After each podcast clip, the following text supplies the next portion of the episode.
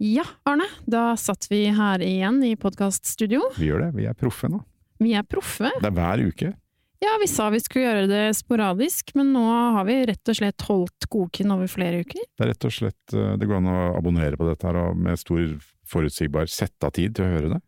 Merker du det i, i antall lyttere? Kan vi si noe om antall lyttere? Merker det stiger voldsomt. Det er en kurve som går nesten rett opp. Eksponentiell vekst. Jeg skal ikke si viral, men vi, er, vi snakker om det også. Det sprer seg som ild i tørt gress. Ja, nemlig. Skal ikke si hvor stort den, den gressplenen eventuelt er, men eh, vi, vi, er på god vei til å nå de, våre, de, de 40 vi satte som mål, målgruppe, som vi vet om. Ja, vi er vi er på god vei. Vi er det. Og vi har begynt å notere og planlegge og forberede oss før vi går i studio. Har mora di noen flere innspill? Mamma har alltid mange innspill. Hva vil hun at vi skal snakke mer om? Nei, det tror jeg ikke jeg skal gå inn på, inn på her, altså. Ok, ok, ok. Nei da. Men eh, ja, vi har også til og med noen faste stolper etter hvert. Ja. Eh, og jeg tenkte at jeg skulle begynne på den ene stolpen vår, som er eh, Hva ser du på for tiden, Arne Bergen? Det blir, vi skulle ikke snakke så mye om TV-serier, for det skulle ikke være en sånn seriepodkast, men jeg er ferd med å bli en seriepodkast, vi må bare innrømme det. Og jeg tenker at du tenker på TV-serier, og jeg ser på en som, som heter Skjult av snø. Ok. Ja. Hvor går den? Den går på eh, Viaplay. Ok. Jeg har faktisk sett den. Ja, jeg vet det. Hvor langt har du kommet? Jeg ser på den ved en misforståelse, for jeg trodde jeg så en annen serie. Jeg har kommet uh, gjennom første episode, og jeg syns det er dritdårlig. Rett og slett jævlig dårlig, altså. Men veldig Det er utrolig dårlig. Den er ganske tynn. Ja. Men noen ganger sier du at en serie er tynn, og så sier du det litt sånn for helgardere, og så gjør, gjør den meg Altså, jeg blir interessert, og så begynner jeg å se på den, men den er tynn. Jeg syns den er tynn, men jeg syns jo det kan være litt fint å se på tynne serier, særlig kanskje i den sjangeren vi selv skriver i, for er det noe man kanskje lærer av, så er det av andres feil, og er det noe man ser, Ja. så er det andres feil, og ikke sin egen. Så jeg prøver nå Men vi har aldri laget en tynn serie. Det er det, altså. ja, vi gjør det hele tiden, Vi egentlig. gjør det hele tiden. Annenhver gang så lager vi en tynn serie. Ja. Det kan vi si. Men, men eh, nei, jeg syns den, den er eh, Det er en sånn litt sånn rar Nordic noir-aktig uklar greie, med feil casting. De er, det er komedieskuespillere som prøver å spille endelig en mann i midtlivskrise og sånn. Han Robert Gustavsson Jeg, jeg, jeg, jeg syns ikke det er bra, det er dårlig lys og sånn. Norsk fotograf, Philip Øgård, som egentlig er superbra. Oh, ja, Veldig bra. Men det blir liksom sånn, noen har sagt eh, gidder å slå av lyset i alle scenene, er du snill, og kan vi filme litt sånn silhuetter i mørket? Det blir så drittlei. Dårlig point of view, scenen er, det er ingen scener, det er bare masse for så vidt gode skuespillere som alle har vært sitt ærend i, i scenene, så det er vanskelig å vite hva det handler om. Veldig mye sånn, det er form, da. Så det er svensk dekkare på det aller, aller verste. Vi kunne grust den eh, på en tiendedel av det budsjettet, det vet jeg, Kristine Berg. Slakt eh, der, altså. Ja, jeg Ja, men ikke å det se på er en god start, det. Ja. Ja. Og du, hva ser du på? Du, jeg har sittet og sett på en som heter Snøengler. Ja, som du har snakket veldig pent om, og det er. Jeg søkte på snø, og inn kom jeg til den der forbanna skjult av snø. Ja. Snøengler er noe helt annet. Det er en bra serie, faktisk. den ligger på gode gamle nrk.no. Ja. Og den er faktisk veldig bra. Jeg har sett den også, dritbra. Ja, den Hva er det du er liker ved den? Jeg liker uh, egentlig veldig mye forskjellig. Jeg liker stilen og looken. Jeg liker casten. Det er veldig mye skuespillere jeg ikke har sett. Og så liker jeg Jeg liker Den er litt sånn langsomt. Den er en krim uten helt å være en krim med masse drap. Det er, det er litt mer sånn det de kaller for domestic, er det ikke det? Det er tett og nært, og, og det er et Ja. mysterium, men det er liksom ikke krim. Kan du, kan du stole på den du, som står deg nær og sånn? Ja. Egentlig fin. Veldig, ganske sånn dysfunksjonelt miljø til å begynne med. Det er sånn Stockholm på det verste. Er det ikke Stockholm? Det sånn, altså Jeg tror det er Stockholm, og det, det, kan, det kan bikke litt over i så dysfunksjonelt at jeg tenker dette orker jeg ikke mer. Det var veldig mye barnevern og drikking og barn som griner i barnevogner og sånn. Ja. Det, det kan vippe litt over. du er generelt ikke glad i barn, og da har du en utfordring. Jeg har ikke noe imot barn, men barn som gråter lenge av gangen, kan jeg dy meg for. Ja. Men den anbefales. Mm. Ja. Hva har du på nattbordet? Ehm, jeg må ærlig innrømme at den der Tove Jansson-novelleboken som jeg snakket om sist, den ligger der ennå, og jeg har ikke kommet noe lenger. Fordi våre faste lyttere, i den grad vi har det, for vår faste lytter, jeg vet at Trond i Ålesund hører hver gang i hvert fall, så er det ganske, det er ikke noe overraskelse. Du, kom, du gikk høyt på banen med noveller, Ja. du gikk høyt på banen med andre bøker, Ja. men du er ikke ferdig med Tove Jansson, da ble det stående stille. Mm. Mhm. Hvordan går det med Torbjørn Røe Isaksen? Torbjørn Røe Isaksen. Du, den, den, da jeg stoppa på rundt 60 Mm. Um, Jeg er ikke stolt av det, altså. Du er ikke en gjennomfører når det gjelder bøker, egentlig? Nei, ikke alltid. Nei. Nei. Uh, takk for at du ja, understreker det. Hva leser du, Arne? Hva har du på nattbordet ved siden av øyedråper og sånn? Tisselaken og brodder. Og var jeg liggende på rullatoren, liksom? Mm. Følte at det var en undertekst her. Mm. Øh, jeg, øh, jeg har jeg flere bøker nå, ganske mange som jeg har begynt på. Øh, jeg, jeg leser jo en bok om, om HBO fortsatt, den har blitt ligget der en stund. Den er ganske Ja, tjukk. interessant. Ja. Mm. Det er jo 600-700 sider. Ja, det var noe med flisen i sitt eget øye Nei, flisen i Bjelken. sin brors og bjelken i din søster og sånn. Ja. Ja. Hvordan følte du at du kom ut av det? Altså, Bjelken i din søster er et veldig uheldig uttrykk. Jeg tror ikke det er bibelsk, men nei, jeg har ikke kommet så langt. Er, og den, den, den er kjedelig, rett og slett. Tror du det å hva skal man si, prokrastinere, ikke gjennomføre og lure seg unna er noe som kjennetegner kreative, eller er det bare tilfeldigvis deg og meg? Jeg tror det å starte mange prosjekter og ha seks-syv bøker liggende, starte på en TV-serie, ha masse ideer og, og sånn, og så gjennomføre 1% er veldig Jeg vet også at Leonardo, Leonardo da Vinci, han hadde Jeg greier ikke å si navnet engang. Han slet også med gjennomføring, Mm. men han hadde et par bra ting. Han gjorde Mona Lisa, han gjorde det sixtinske Nei, det var Michelangelo. Men de gutta slet med gjennomføring. Ja, du liker å sammenligne deg med Nadverden gjorde også er ikke sant, Han ble ikke helt ferdig med den. Nei. Nei, men jeg syns vi skal sammenligne oss med de største. Men jeg tror det er, det er et mindset. Jeg tror det, jeg tror det går igjen litt. Man må ha mange ideer, og så er det et snev av ADHD Mm. Og manglende selvfølelse hos sånne som oss, kanskje. Ja, for vi er jo glad i å snakke om det kreative mindset, vi er glad i å snakke med andre kreative. Oh, jeg kjenner at det kommer en podkastovergang her, Kristine. Det Kristine kommer en Berg. podkastovergang, fordi vi har en gjest som har sittet musestille skikkelig lenge nå. Mm. Og hvem er det, Arne? Melike? Melike Kave. Det er meg. Velkommen til oss. Takk. Melike kommer fra, rett fra NRK nå, fra Marienlyst. Det gjør jeg. Mm. Hva gjør du der? Jeg jobber som eksekutiv produsent og serieskaper. Ikke dårlig. Vi har kjent Melik lenge. Vi har det. Siden hun gikk i kortbukse, holdt jeg på å si. Nei, vi kjenner jo deg fra Hotell Cæsar. Vi kommer jo aldri unna Hotell Cæsar. Har du en gang jobbet på Hotell Cæsar, så er det blir det hefte ved deg resten av livet. Men det var veldig gøy. Men det var, det var en var ganske fin og tøff skole for alle oss. Ja. Du var manusassistent, du. Jeg begynte som manusassistent, Mm. mm. og så slutta jeg som manusprodusent. Så jeg, ja, hadde liksom hele Og det var, det var jo, ikke sant, det, det er vi veldig jeg mener, det, det savner vel hele bransjen, den derre institusjonen som man kunne klatre i. Ja. Uh, nei, skal jeg vel kanskje legge til at det er vel NRK, faktisk, også si på, et- på et vis. Men-. Men det var kanskje den eneste, var det det? Var det kanskje det eneste utenfor NRK? Ja, det vil jeg si. Og så er NRK det er som en helt annen type institusjon igjen. Eh, Ja. Men absolutt mulig å klatre der òg. Men eh, det på Cæsar var liksom litt sånn tydeligere. Det var, det var annet, det var liksom litt hardcore, det var kommersielt, det var for en annen kanal og sånn. Og alle jobber med samme produkt. Det er jo egentlig helt fantastisk. Hvor mange år var det du var der egentlig? Jeg begynte ja, ikke sant, høsten 2011 til eh, 2016. Fem år. Fem år. Mm. Da har man altså gått fra manusassistent til manusprodusent. Det er ganske fett, da. Jeg må Ja. jo si det. Men fem år, syns du det var lang, lang tid? Nei, altså ja, nå har det gått fem år siden det igjen. Det var helt passe. Eller jeg var vel nok ganske ferdig da jeg var ferdig. Ja. Uh, og jeg slutta jo Altså, jeg visste jo ikke Altså, da jeg var ferdig, så hadde vi laget en sesong, visste ikke om det var siste, og så ble det det. I mellomtiden så begynte jeg å gjøre noe annet som frilanser, og så tenkte jeg ok, jeg skal ikke tilbake, og så ble det ikke mer. Så den slutten er litt sånn Selv vi greide ikke å ta livet av serien, den fortsatte. vi. Vi var, jo, ja, vi, vi var jo der i to år, Kristine. Det var vi var det. 400 episoder. Ja. Det var, og jeg tror at vi kom til at noe mer enn to år burde man ikke være i noen jobb der. Nei. Men, men, men det, det var, gjorde ikke du heller, for du avanserte. Altså du Ja, var mannsassistent, tror- og så gikk det, hva var neste steg da? Jeg var manusassistent, og så fikk jeg lov til å prøve å skrive et manus.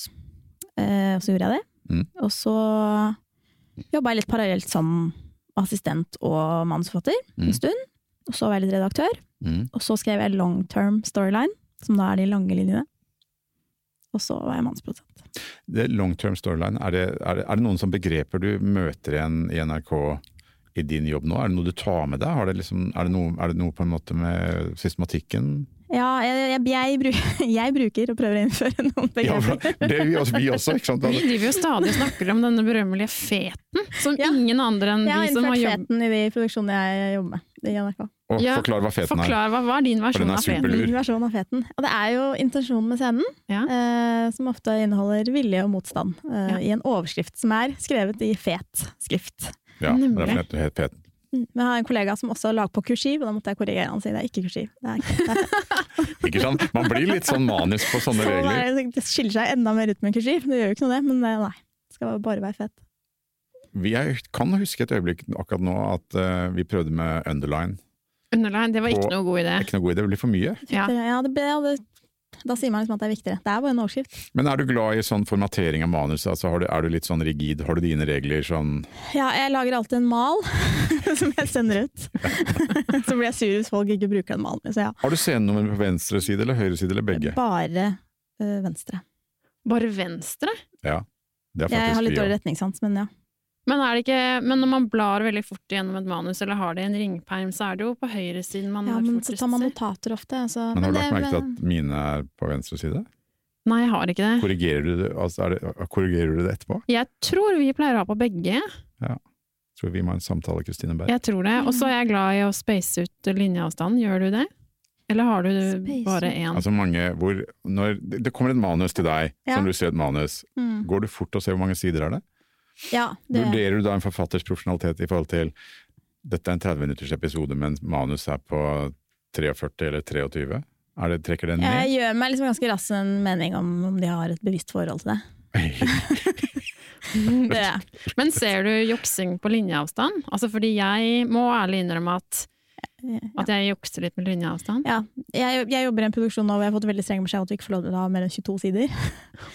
Og da bruk, For det er 20 minutters episoder. Ja. Da bruker vi ganske mye tid på å redigere manus, sånn at Ja. vi kommer innenfor.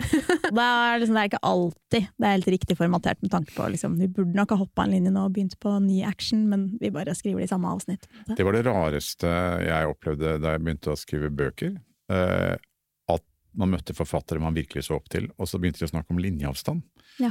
Eh, og sånn, sånn Klaus Hagerup sa til meg vet jeg, bare du må, når redaktørene de lurer på om du har jobbet med manuset siden forrige gang, da bare justerer du linjeavstanden, så får du flere Det er ingen som gidder å lese manus, de bare ser på antall sider. Beste okay. rådet jeg har fått. Ja, det er jo genialt. Ja. Jeg gjør det til stadighet. Jeg vet jeg må opp i 40, og så ligger jeg kanskje og dupper sånn et eller annet sted rundt 30. Da, da er det bare ett tastetrykk unna, så er det på 40. Mm. Det er genialt. Det er det. Ja. Går begge begge veier. Det går begge veier. Man får svi etterpå, når man sitter i klippen med åtte minutter flytmateriale. Hvordan er en dag på jobben for deg, da? Sånn, øh, nå er du litt inne i en produksjon mer, Ja. men før da du, liksom, du hadde begynt i NRK? Ja, hvordan, var det, det- hvordan var det å gå inn der første gang? En ganske svær, tung institusjon. Ja, det er det. Jeg har jo vært der nå i, siden høsten 2017. Jeg, sier, jeg, jeg klarer ikke å telle. Er, hva da? Men- Høsten 2017 er tre og et halvt år. Ja, det går fort nå. Det har jo vært på pause hele Ja, livet. og sånt. Men altså, du kommer jo da i, I NRK så er jo Hotell Cæsar en slum. Altså, de, de vil jo ikke uh, TV 2 og kommersielt reklame-TV og sånn. De, altså, de forholder seg ikke til det.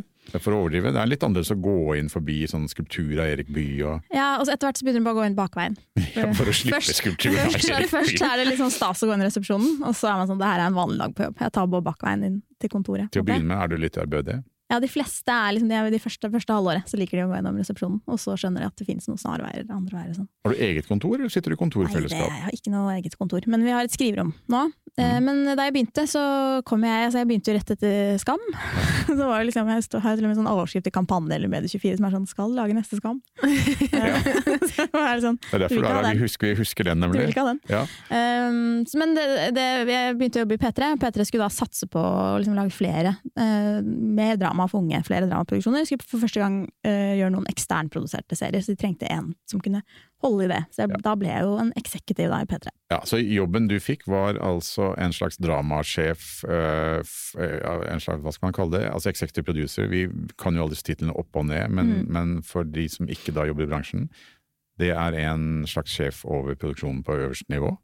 Men så har man, i NRK så har man jo alltid en redaksjonsleder og en redaktør, og den type, liksom, det er mye sånt uh, Ja. hierarki. Men Og de, Det er jeg for, som men har fortell om hierarki, da. Hvordan, liksom, ja, ikke sant. Man har jo en, i, I P3 så har vi en redaksjonsleder, TV og event, Mm. som da er en person som er, holder, har masse prosjektledere under seg. mm, Og da er det både de som produserer interne dokumentarserier for P3, internt i NRK, Mm. så er det noen ting som er eksternt, og så er, sånn som, og så er jeg under denne personen.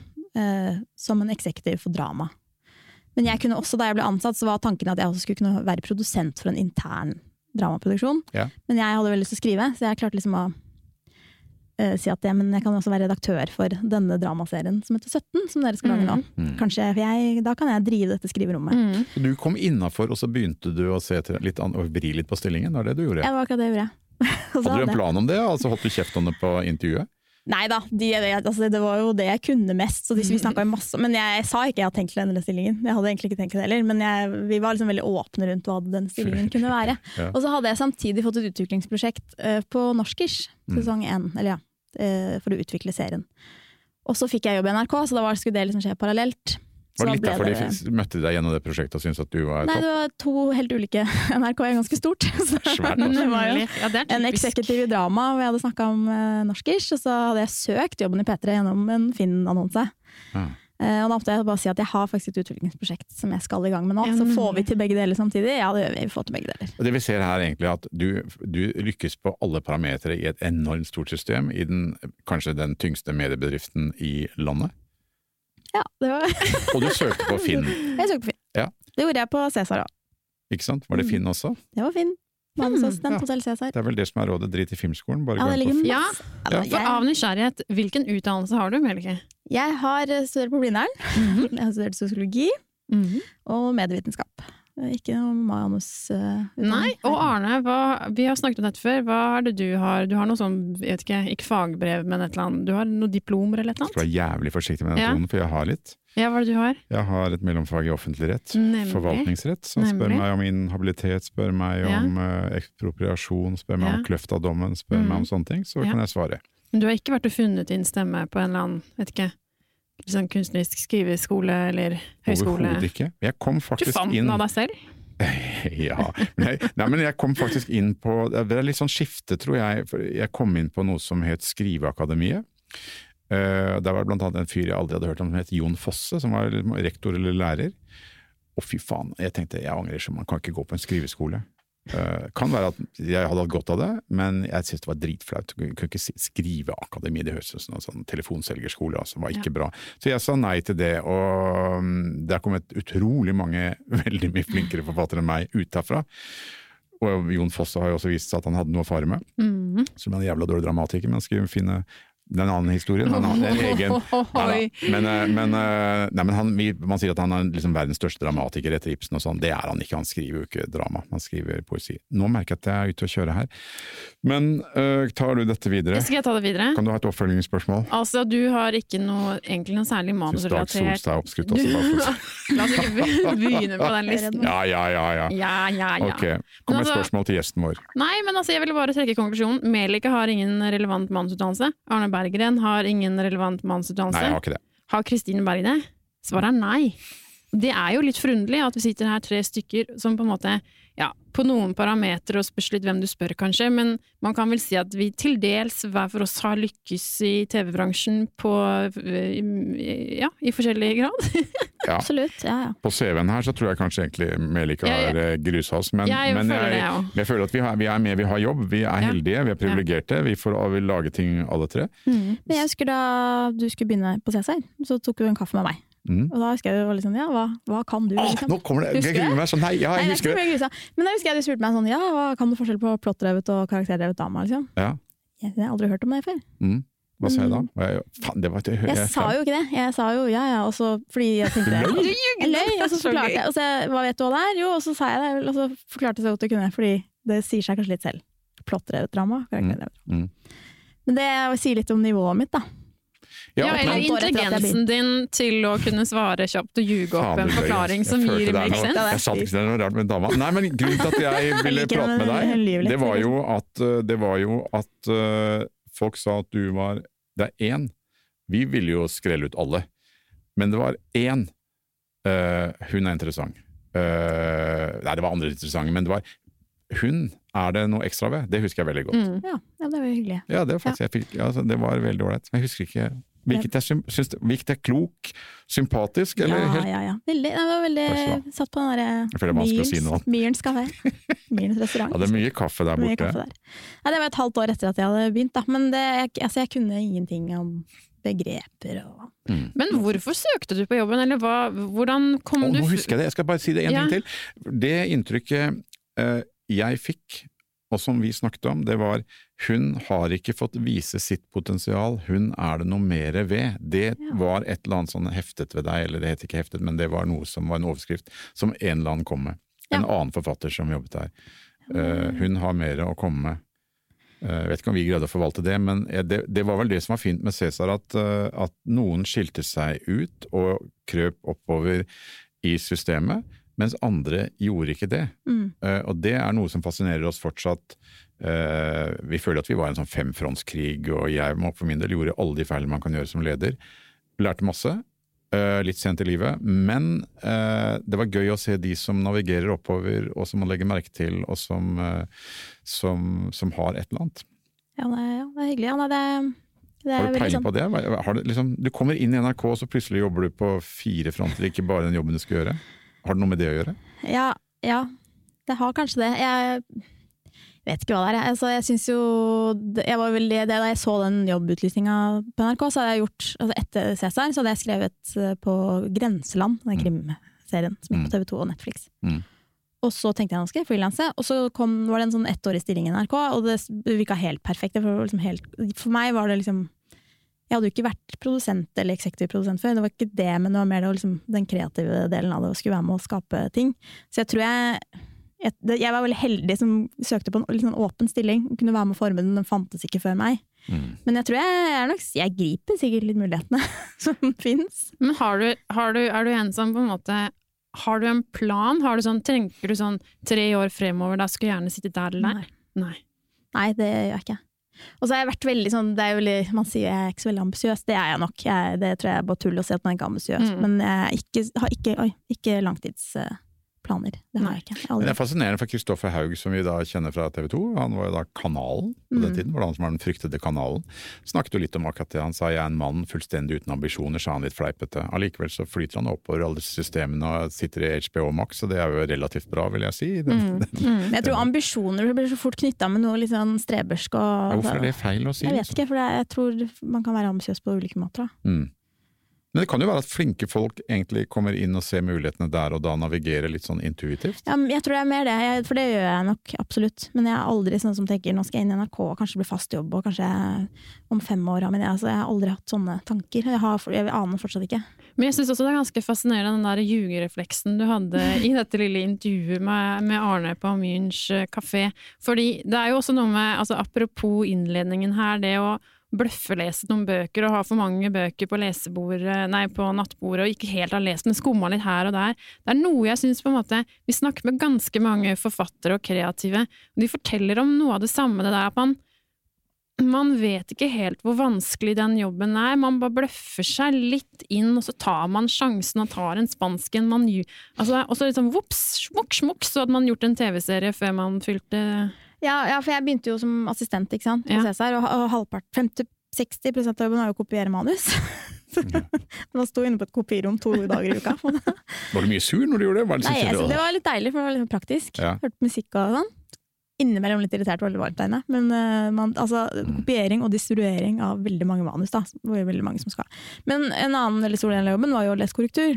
mm, Og jeg var helt elendig i rettskriving. mm. Det var ingen som sjekka om jeg Altså Jeg fikk jo bare beskjed om sånn du skal formatere manus, og, og så må du lese korrektur. Les korrektur på manus til forfattere som skriver det ganske greit, liksom. Jeg kan jo ikke det. Så det er jo noe, et element av bløffing der, tror jeg. Ja. Ja. Nei da, nei, jeg var ikke sånn, så det var ingen som spurte meg er du veldig flink i rettskriving. Nei, det er jeg ikke. Altså, jeg var ikke noe sånn, eller ja, det er jeg. Nei, og det trenger man heller ikke å være. Nei. Altså, det er for så vidt uh, ikke jeg ble jo bedre i rettskriving av å ha Mm. den jobben, det vil jeg si. Så vi kan være, eller man kan være ambisiøs uten å være en sånn flinkis, er vel liksom Ja, jeg tror kanskje det er det. Ja. Mm, og så, ja. ja. Uh, jeg, jeg, jeg, er liksom, jeg er ikke så veldig god til å ta plass og si og liksom kreve min plass, liksom. Men jeg tror jeg, jeg, utnytter de mulighetene som finnes, og så jobber jeg hardt, liksom. Det tror jeg er Mm. mine styrker, da. Det var ikke noe vanskelig å huske når du var misfornøyd med det, det må jeg si at det var ganske lett å merke når du var misfornøyd med. Ja, vi gjorde noen feil der, husker jeg. Men, og det var ikke noe sånn så på trynet ditt når du liksom Men det var utrolig det var hyggelig å jobbe kopiert feil? Stifta, stifta dobbelt? du Liksom. var jo mer og mer Den satt jo mer, mer inne i rommet og sånn. Det var jo ikke noe tvil om at du hadde ambisjoner og på en måte altså. var eh, smartere enn de fleste som gikk rundt der. Vi følte jo av og til at du var smartere enn oss også, men, men, men, men, men det merker man jo. Altså, det er noe med, med, med det. Men, men det var sikkert ikke den viktigste perioden i ditt liv, Hotell Cæsar. Ikke vår heller, men det var forferdelig spennende og tøft og gøy og vrient og vondt på en gang. selvfølgelig, Liksom. Men, men hva når du da ser disse som kommer inn og skal selge inn noe til deg, og, og sånn da, når de skal liksom pitcher noe til deg, hva ser du til da? Når merker du det, merker du det fort at eh, det, hun eller han eller eh, hen har ikke noe å komme med? Merker du det fort? Hva ser du til hva liksom, når du kjenner den der ah, det er en flink Ja, jeg, jeg liker å tro at jeg er menneskekjenner.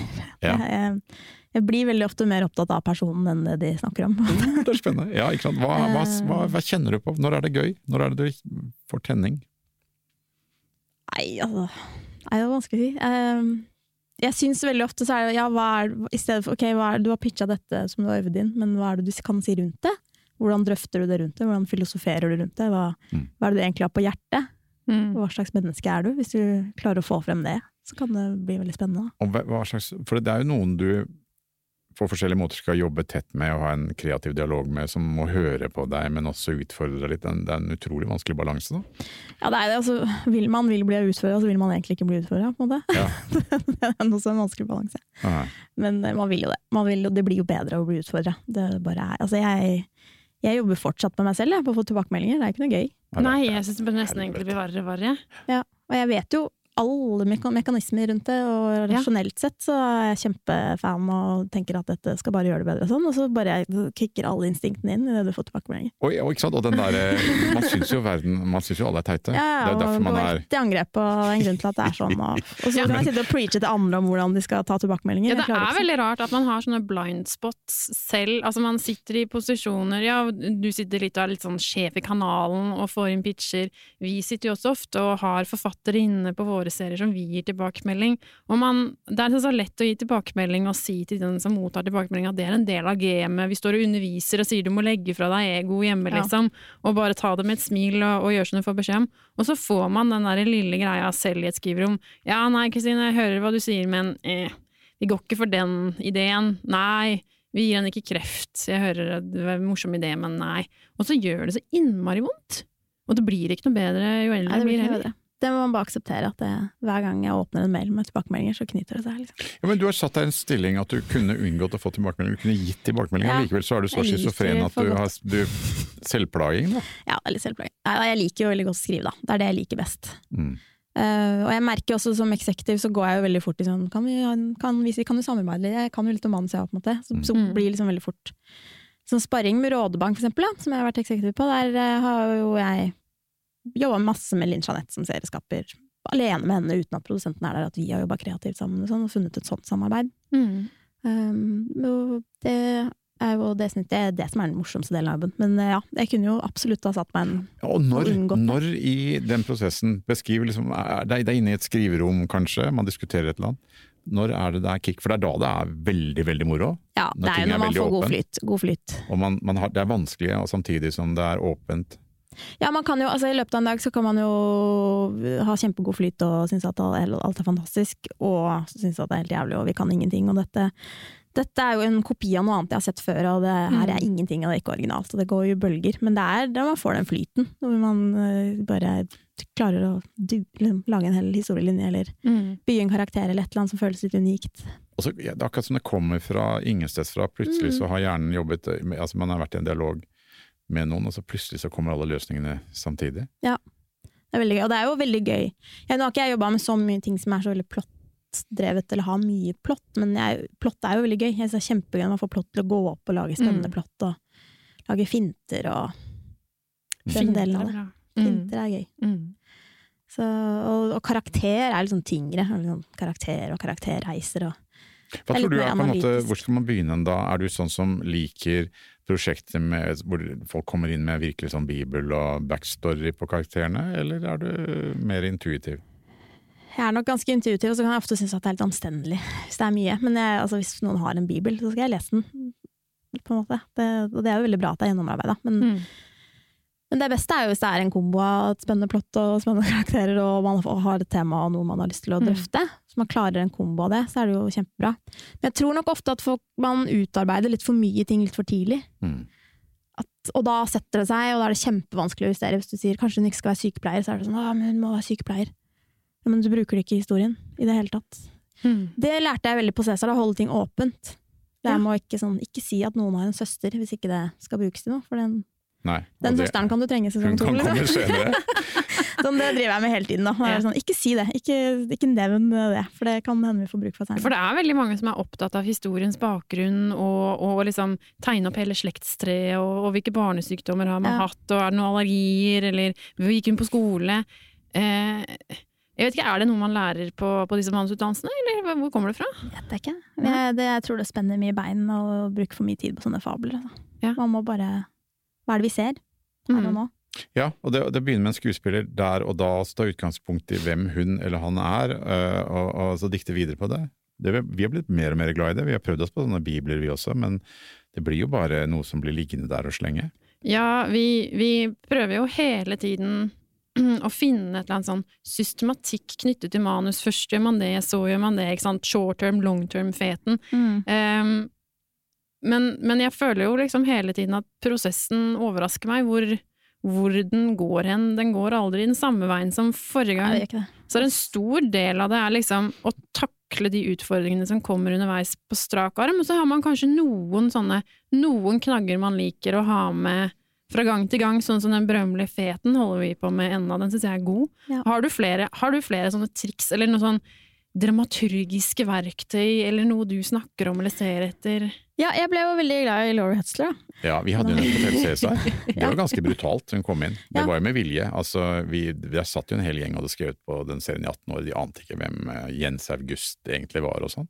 Han var jo, hun på, husker hun påpekte at han han er, en, han er, en, eh, er han en bad guy eller good guy? Og alle så han som en bad guy, men hun sa han er jo dum. Han er jo tilbake, han er en taper, mens vi som trodde var den mest omnipotente skurken. Mm. Ikke sant? Det var veldig mye sånn. Ja. Altså ja, Laurie Hutzler, hun, hun har en teori, hun har jo sånn altså, veldig karakter... eh, ja, hun har noe. Altså, hun har jo det liksom to ting. Det ene er diamanten, mm. som ja, er noen ulike fasetter av personligheten. Og så er det de ni karaktertypene. Og de ni karaktertypene bruker jeg ganske mye. Men det jeg har gjort, er at jeg har liksom lagd et liksom forenkla system, Mm. hvor jeg bare ser på liksom frykten først. Og Ja. så bare ok, det er dette denne karakteren er redd for. Redd for å være alene. Redd for å bli oversett. Redd for å ja. Ja, Mm. og det er ofte mer enn nok. Vi er veldig fan av Laurie Hutzler, Superfan. eh, men også litt sånn forenklet variant. Ja, jeg tror hvis man kan fort gå seg bort i den diamanten, og det er seks spørsmål, eller hva det er, og så får man ikke helt svar på det ene, og så raser karakteren. Så jeg er helt enig i det å plukke de plukker, Man liksom shopper litt sånn lett Mm. eh, på den ene teorien fra den andre. Ja. Men er ikke det litt sånn kanskje at møter jo uerfarne forfattere som da har brukt et år på å lese teori. Jeg husker den derre åh, Jeg sitter ennå og skummer Amazon for å se er det kommet noen nye bøker om yeah. dramateori. Og det kommer stadig vekk med sånn the nutshell-teknikk, og tenker åh, det må jeg må vite om. Altså, det, er jo ikke noen, det er ikke så veldig mye nytt som kommer, man har jo sett det meste etter hvert. Men har du, er det Laurie Hutzler, er det er det en sånn grunnmodell, den diamanten? Altså Laurie Hutzler Emotional Toolbox. eh, ganske billige PDF-er man kan laste ned, og hun har også noen seminarer.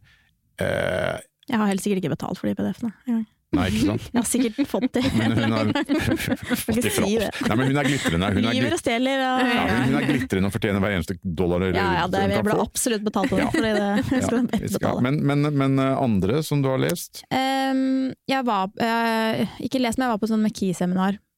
Jeg føler sånn McKee, dropp droppe McKee, altså. Ja, Nei, men han, eh, igjen sånn forenkla, han har noen sånne dimensjoner. det Som er jeg gøy å gå på seminar, men det er liksom litt, litt mye, er det ikke det? Men, er litt, kan være litt mye. Han Mm. var sånn heldags på ja, det var ganske men da var det de dimensjonene. Jeg kunne aldri lese, jeg prøvde å lese bøkene. Jeg føler Det er meg- mye. føler meg for dum. Ja, Ja. Kanskje Mm. det hadde, hvis, vi hadde, hvis jeg hadde studert. Kanskje det hadde Nei, jeg synes det blir for tungt, men akkurat de dimensjonene er spennende. Da er det jo det der, hva er det man har i seg. Man har liksom en sånn Hva heter det?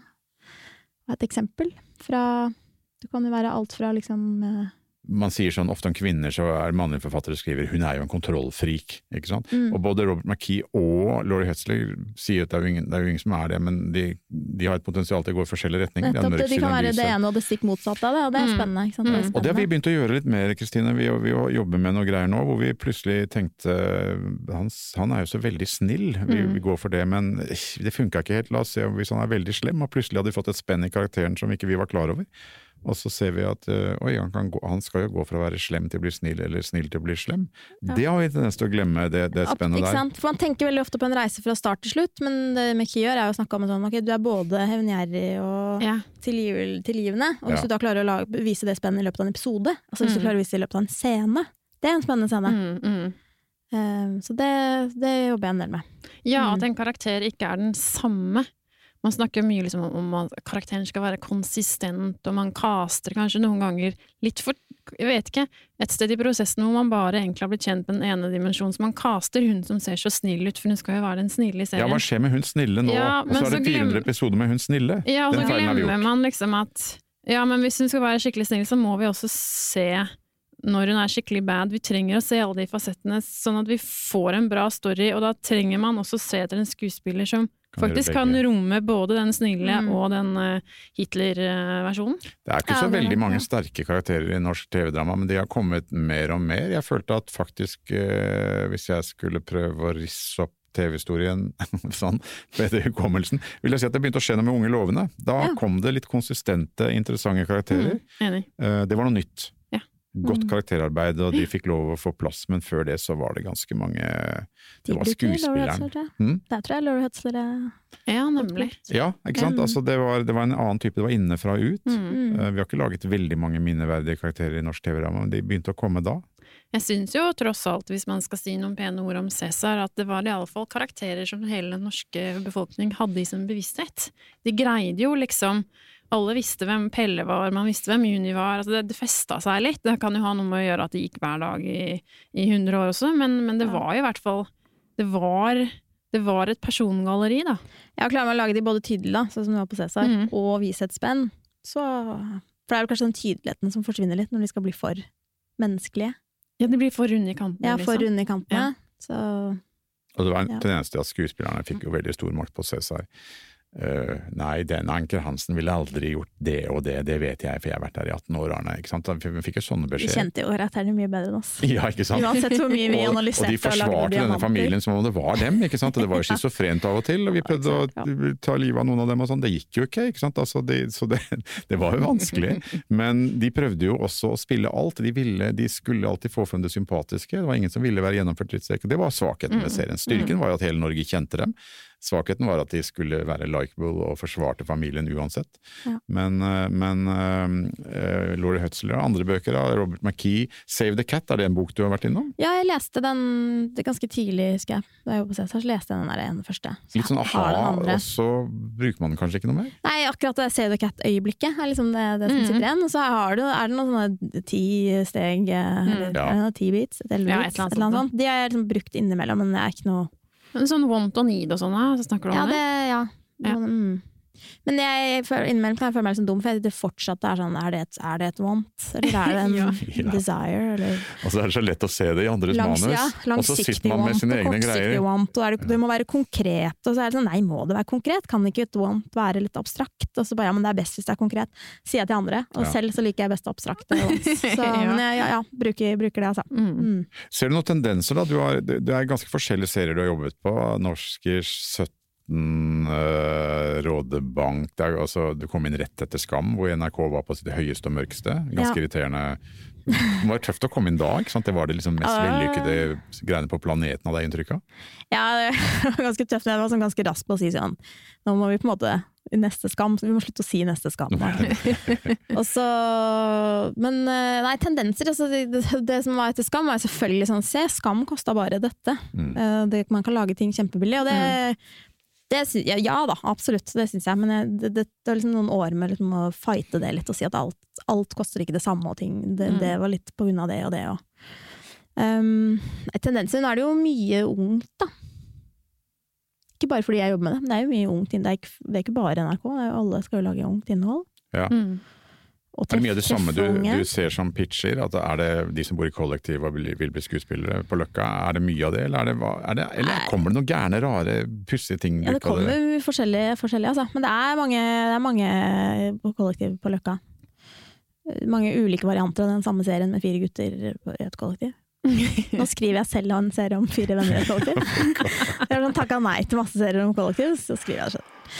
Men eh, Nei, det kommer, jeg synes, innimellom så kommer det folk som bare har en eller annen historie. Det var jo det som var med Linn med Rådebank. ikke sant? Hun hadde, en, hadde noe på hjertet, hadde en historie. Det var utgangspunktet. Mm. Andre ganger så har folk en legning eller en eller annen livserfaring som gjør at de vil fortelle noe. Det syns jeg kan være spennende. Men Mm. uh, det er mye likt òg. Og det er mye man ser jo man blir, vi, jeg, og vi blir jo inspirert av ting som går. ikke sant? Plutselig så Mye sånn Euphoria-aktig en periode. Det var mye skamaktig en periode, og så var det Euphoria. Så Men Er det noe du savner, når du, når du liksom kunne ønske, ønske fantes som vi ikke har så mye av?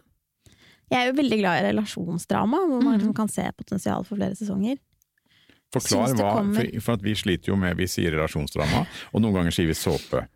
Uh, Ja, hva er og, forskjellen, da? og det skal man ikke, ja, det er, såpe i Norge er jo ikke noe, jeg vet det er ikke mange land det er noe uh, sånn, men altså vi tenker jo på Mad Men som en såpe. Men mener du da det samme eh, relasjonsdrama? Mener du egentlig en såpe? Hva, hva mener du med relasjonsdrama? Det, jeg, jeg kan hende. det er så- Altså det jeg mener med relasjonsdrama, er at eh, driven og spenningen ligger i eh, det relasjonelle. Mm. eh, at det er Karakterdrevet? karakterdrevet. Hva vil du si? Vil du si Succession er relasjonsdrama?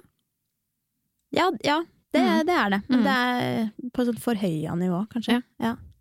Det er jo absolutt det, eller, og det er jo karakterdrevet, selv om Men der er det litt, det står litt mer på spill. Altså, der har man liksom funnet, det er det som er liksom faren med relasjonsdrama, at det kan føles som at det ikke er så mye som står på spill. Det var det du sa da jeg spurte altså på Myrens verksted. Nei, da tror jeg jeg bare sa sånn det er drevet av karakteren. Det virker som du har mer du har det godt inne.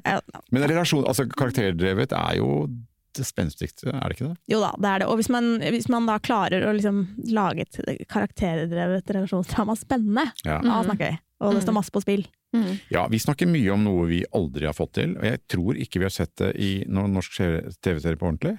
Kanskje vi har det. Nullsumspillet, Nullsumspillet, ja. Stemmer det. Som jeg forklarer nå. Jeg skal forsøke forsøke å forklare nullsumspillet. Succession er jo det. Det vil Ja. si at det går bra for den ene karakteren, så går det kanskje dårlig for den andre. Altså det, det er liksom et dårlig eksempel, eller det vil jo være ja, alle de tre søsknene i Succession har lyst til å ta over firmaet etter pappa. Så går det bra for den ene, så sier det seg selv at da er det den andre søsknene som det ikke går bra for. Og du vet det liksom sånn, du vet Ja. at å, nå går det dårlig for han, uten at du Ja, og det gjør jo også på en måte at, at uh, man alltid får sett flere fasetter av samme situasjon eller samme dilemma, fordi det er flere karakterer som til en viss grad kjemper om det samme. Mm. Og det er ikke nødvendigvis bare én som er snill og én som er slem, men det er flere man heier på. Det gjør hele opplevelsen litt mer interessant med en gang. Men er er The. Crown også det? Ja, er Crown. Nullsumspill? Mm.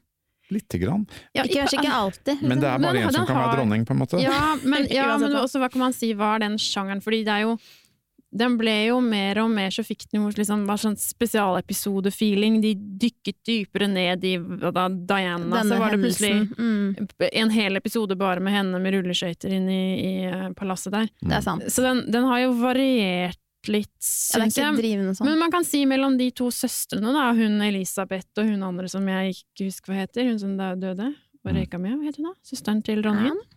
Nei, søsteren.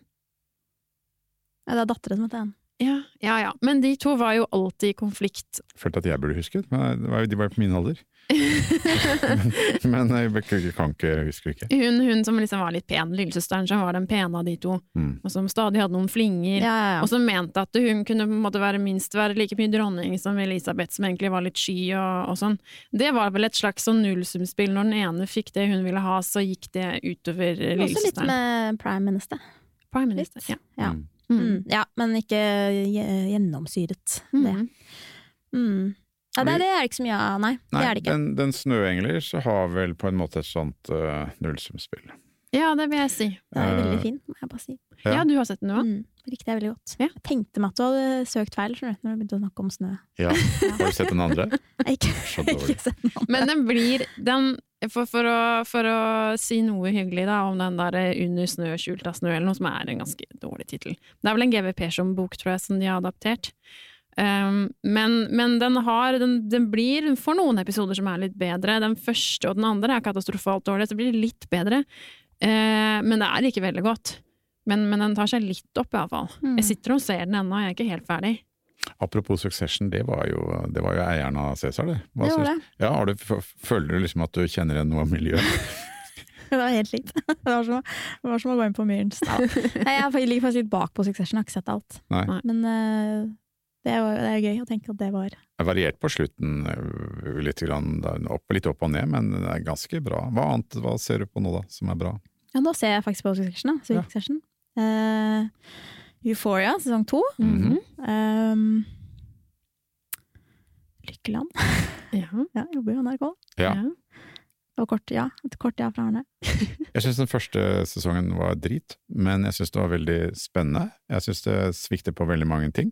Men det, jeg synes det er lett å stå og sparke på en serie som er sånn, så svær og så viktig. Ja. Altså, men, men jeg syns at um, den uh, kliner til å fortelle en historie som skulle vært fortalt for lenge siden. Mm. Uh, jeg syns at den uh, hadde noen miljøer altså Der hvor den var best, var på politikken, å få vite mer om hva som skjedde i disse møterommene og disse, den mannekulturen. Og så er den og- jo lekker, det må man jo kunne si. Altså, sånn, Ja, ja, ja. Jeg mener, den er lekker å se på. Det er sånn eye Men jeg syns den var Mm. superdårlig ved at den på en måte ikke var spilt inn hel, helhetlig i Stavanger. Jeg syns den var dårlig fordi at eh, det relasjonelle trodde jeg ikke mye på, men det politikken i det, hele Ja. liksom skåpet er, er jo dritbra. Mm. Så man må jo se den. Mm. Men det er liksom så å sparke på Dag Solstad så Det er, en- det er en svær serie. Den er, den er viktig. Det er liksom, det er bare Det er mye ser, mye ser fordi vi må se, og så er det litt synd, syns jeg. Fordi før, så, altså, da vi jobba på Cæsar, Mm. så kunne vi si ja, Mad Men, ja, ny Mm. sesong. Vi er like oppdatert, vi snakker om det samme. Nå føler jeg at det er litt sånn, ja, ser du på Succession? Nei, nei, jeg er på sesong to. Ja, men har du sett uh, Landscapers? Og så plutselig bare prøver man å bare vri, vri samtalen over i noe man selv ser, og så Ja, ja, blir det ja. en sånn ikke-samtale, Apropos, har du sett, har sett. Landscapers? Jeg har sett Landscapers. Nei, opp, tommel opp eller tommel ned? Jeg likte den, jeg. Du likte den? Ja, absurd, rar greie. Men, eh, men jeg likte også Hacks, da jeg hører at du ikke var så fan. Er dette en generasjons- eller aldergreie? Er jeg fan med å bli Er ikke jeg veldig ungdommelig og, og veldig Jo, nyskapende jo, og du er, du er det. Du er veldig ungdommelig, Arne. Raus, flott fyr. Ja da, og etter de øyedråpene kom på plass, så tenker jeg at du virkelig har vunnet deg. Men faen, det er noe som er klassisk tidløst drama, men det, og da kan man bare ta et spørsmål tilbake, da, Melike. At, at, altså, skjer det ting? Er det De klassiske seriene, de kommer jo jevnt og trutt. Succession er jo, det er jo Ja, ja. Shakespeare, på en måte. Ja. Men, men allikevel så kommer det mer rare ting. Altså, Euphoria er jo en ganske dristig, rar greie. Det er andre regler, er det det? Ja, det er det, og så er det jo Det handler mye om å være nyskapende og, og kanskje, Det har man kanskje alltid gjort. Man skal alltid utfordre, men uh, Sopranos utfordra jo, og det kom det jo òg. Det gjorde jo det, men i Euphoria sitter du på en måte litt ytterst på stolen og føler at du blir, du blir liksom kødda med, du blir testa hele tiden. Men det er interessant. Jeg synes den, eh, så ja, Det er litt håp, da. Ja. For meg, også fortsatt. Ja, jeg er jo ikke kjempefan av Euphoria, må jeg ærlig innrømme. Men nå har ikke jeg sett andre sesong.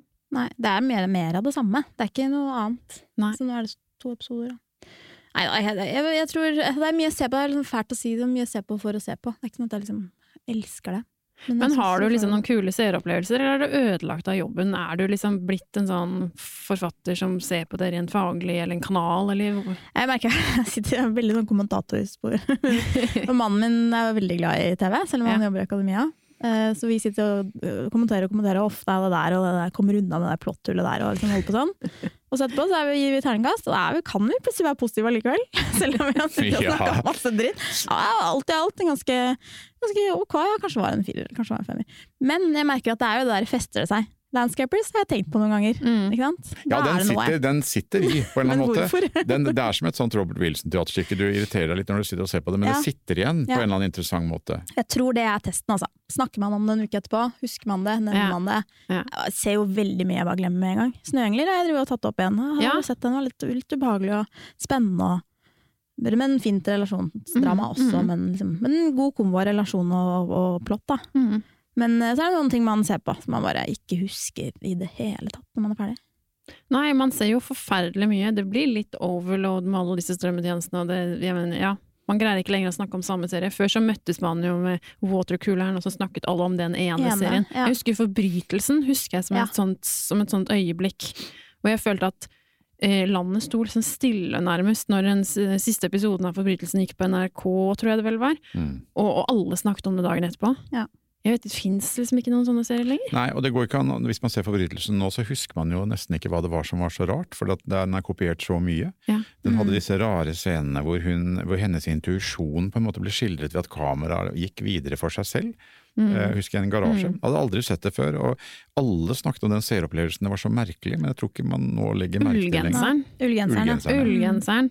Og at hun var en annen type sånn kvinnekarakter som var Hun var liksom ikke billedskjønn og, og, og sånn en sånn sex...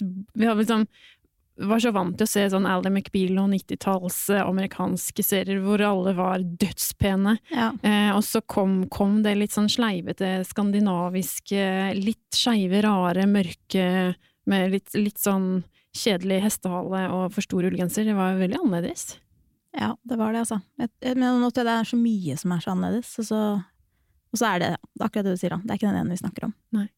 Ok, jeg bor i Honningsvåg. Jeg er en eh, verdensmester på 21, ser masse TV, har dritlyst til å komme inn i TV-bransjen. Og bare få min serie på TV og jobbe med media. Mm. Hva, hva gjør jeg da? Hva er det liksom tre første tingene du kommer på? Først er du tålmodig med tanke på å få din egen serie på skjermen. Og det er ikke, kommer ikke fra et arrogant sted, men jeg tror bare, den serien kommer til å bli mye bedre hvis har jobba med andre ting først. Må jeg flytte til Løkka? Nei, ja, nei. Det var Du må bo på Løkka. bo Nei, eh, nei da, men det spørs også Det, det fins jo ja, Det er jo vanskeligere. Sa du nå til ikke bor på Løkka? Jeg bor på Løkka. Og hvis man har kommet seg til Løkka da, fra Honningsvåg, og så ser man deg på byen, og så eller på gata, så kan Ja. man gå bort og pitche til deg? Det hadde vært spennende hvis noen hadde gjort det. Får du mange telefoner fra folk som spør Nei, om råd? jeg gjør ikke det. Er ikke det rart? Ja, altså jeg, jeg hørte Kristoffer si det samme. Mm. Jeg, jeg, og liksom Siden jeg begynte i NRK, så har jeg prøvd altså Jeg har nok tatt en kaffe med, jeg har tatt en kaffe med alle som har spurt om å ta en kaffe. Ja. Det er ikke mange. Og du kan si det her nå til våre 46 lyttere. De kommer ikke til å bli ringt ned, vet du. Nei, og, og vi kan godt ta en kaffe, altså, og så kan vi godt ta en kaffe, og så kan ikke jeg love at eh, det kommer Nei. noe som helst konkret ut av den samtalen, men da får man eh, et nettverk. Mm. Jeg merker jeg husker folk, og i hvert fall hvis jeg har lest noe de har skrevet, så kan jeg merke meg at de skriver bra, og så inn i et annet prosjekt, eller en manusassistent, eller en researcher, eller noe annet. da. Ja. Um, men jeg tror det der å bare innstille seg på at man ikke skal bli, lage sin egen serie med en gang, og se på det som en gave, at man har lyst til å lære først at, for at det skal bli bedre. Så ha litt med attitude og lærevillighet å gjøre. Begynne Ja. litt på bånn, som vi Ja, jeg tror uh, Ja. Og så skal jeg ikke altså Det fins jo folk som har gått rett ut av filmskolen og laget sin første serie, og så har det blitt bra. Så det Ja. går, det òg, altså. Men jeg tror det er sjelden. mm. Også, Hvor lang tid må jeg regne at det tar da? Er 21 Honningsvåg. Lage den serien, eller? Ja, for å få min første serie. Hvis jeg er dritheldig, da. Så normalt løp. Fem år tok det før du på Ja, CC-tallet? fem, fem år tok det fra jeg, jeg skrev mitt første manus på Cæsar i 2011. Fikk utviklingsprosjekt på Norskers 2017. Mm. Seks år. Seks år. Nemlig. Men øh, Ble du forbanna på folk? Har du liksom skjelt ut noen eller følt at de var teite og sagt det noen gang? Eller har det vært du, kommet- oppover, liksom? Eller Ja. nedover? Ja, oppover. Nedover. Sparker nedover. Sparker nedover. Ingen av dere. Jeg, jeg, er, litt konfliktsky, altså. Det er derfor jeg ikke kunne vært produsent. Men nå, nå har vi jo skrytt veldig mye av deg og sånn, men, men du må jo ha gjort Du må jo ha begått noen feil, eller driti deg ut, eller hatt noen sånne oh, Sa jeg det, liksom? Ja. Har du, har du, har du noen flauser liksom du kan dele? Ja, jeg, skal, jeg kan prøve å gjøre det uten å være konkret. å. Nei, som eksekutiv så er det jo Altså, jeg har jo sagt nei til ting. Nå skal, jeg, jeg er ikke alene om å si ja eller nei til ting, men jeg er jo, er jo noen ganger første instans i NRK. Ja. Eh, Og kanskje vært liksom 'dette er ikke noe', som har blitt bra serier andre steder og vunnet priser og Mm. Det er jo en, kan man jo si er en failure i executive-bransjen. Mm. Uh, og så er det det der, jeg jobber liksom hele tiden med samarbeid, da. Jeg føler at jeg har så mye å bli bedre på s- at jeg kan være litt konfliktsky, for eksempel, og det er ikke så bra å være konfliktsky, men være litt i en maktposisjon og prøve å skyve det. Mm. Da, problemet vokser seg bare større Mm. når du ikke tar tak i det. Mm. Um, så bare det der å prøve å være ryddig og ærlig og rett, si ting rett ut. uh, det har ført til liksom konflikter, som jeg vil si. Det har du unngått. Ja. Fordi at du, noen mener at du ikke har vært ærlig, eller fordi at du har sagt ting Nei, som at jeg selv liksom bare lar problemet vokse seg større og tenker at ting går seg til, for eksempel. Ja. Um, det er vanskelig, det er vanskelig å samarbeide. Det er vanskelig å ta hensyn til folk. Det er vanskelig å Og det ligger vel ikke i forfatteres natur egentlig å ville samarbeide, men av en eller annen merkelig grunn så, så plager vi oss selv med det, og så I hvert fall i TV, ikke sant. Ja. Jeg, jo Jeg har jo skrevet med folk stort sett også. Jeg har aldri skrevet noe alene. Det har stort sett gått bra. Det handler om andre samarbeid, men Nei, det gjør nok ikke det. Man er litt egen. Og hva er det lureste man kan gjøre da? Altså, ha, altså, hva, hvis det var én ting man skal ha med seg inn i møter med Du sier nettverk er viktig, sa du? Vel, mer eller mindre? Ja, prøve å, prøve å få seg et nettverk. Det, jeg vet at det ikke er, alltid er så lett, men, men prøve å, å, å ta den kaffen. Og selv om man kanskje sitter der og tror at ok, nå skal jeg ta en kaffe med melk og få en jobb, og så, og så er det ikke det som skjer, så, Mm. så får du i hvert fall sette deg selv på kartet på en eller annen måte. Mm. Ja, at det er noe med å bygge relasjoner. Mm. Og, og gripe sjansen litt, som du sier. At Ja. det kan hende du ringer tilbake, og så blir du ikke forfatter, men du blir kanskje spurt om å være researcher. Ja, og så Ja. er det spennende. Eller kanskje, Mm. ja, og, så, og så vil jeg kanskje anbefale folk å ikke tviholde på det der ene prosjektet, hjerteprosjektet sitt, og, og, og prøve å tenke. Kan ha flere, enten ha flere ideer, men Mm. være åpen for liksom, Kan enten denne ideen ta andre former, eller snakke altså Vi jobber jo veldig sånn innsiktsbasert i NRK, for eksempel. Snakke med folk og se om, snakke med et helt annet miljø enn ditt eget, og se om det fins noe der. Noen historier der, eller noe du kan fortelle fra. Bare være åpen, nysgjerrig. Plukke opp ting som er Mm. utenfor din egen sfære. Ja, Og åpen, ikke nysgjerrig. på én ting. Det er, Mm. det? Det er, vi alle tror at man er åpen og nysgjerrig, men du verden hvor mange man møter som ikke er det. Eller hvor man selv tenker du er faen ikke mye nysgjerrig, men jeg er nysgjerrig. Ja. Det er vrient. Det er fint. Det er det, og så har man et prosjekt man elsker, man har lyst til å lage, så skjønner jeg at det er det man prøver å få til. Men Mm. eh, ja, det er ikke så lett. Det er noen som blir så forbanna sure når de får et nei.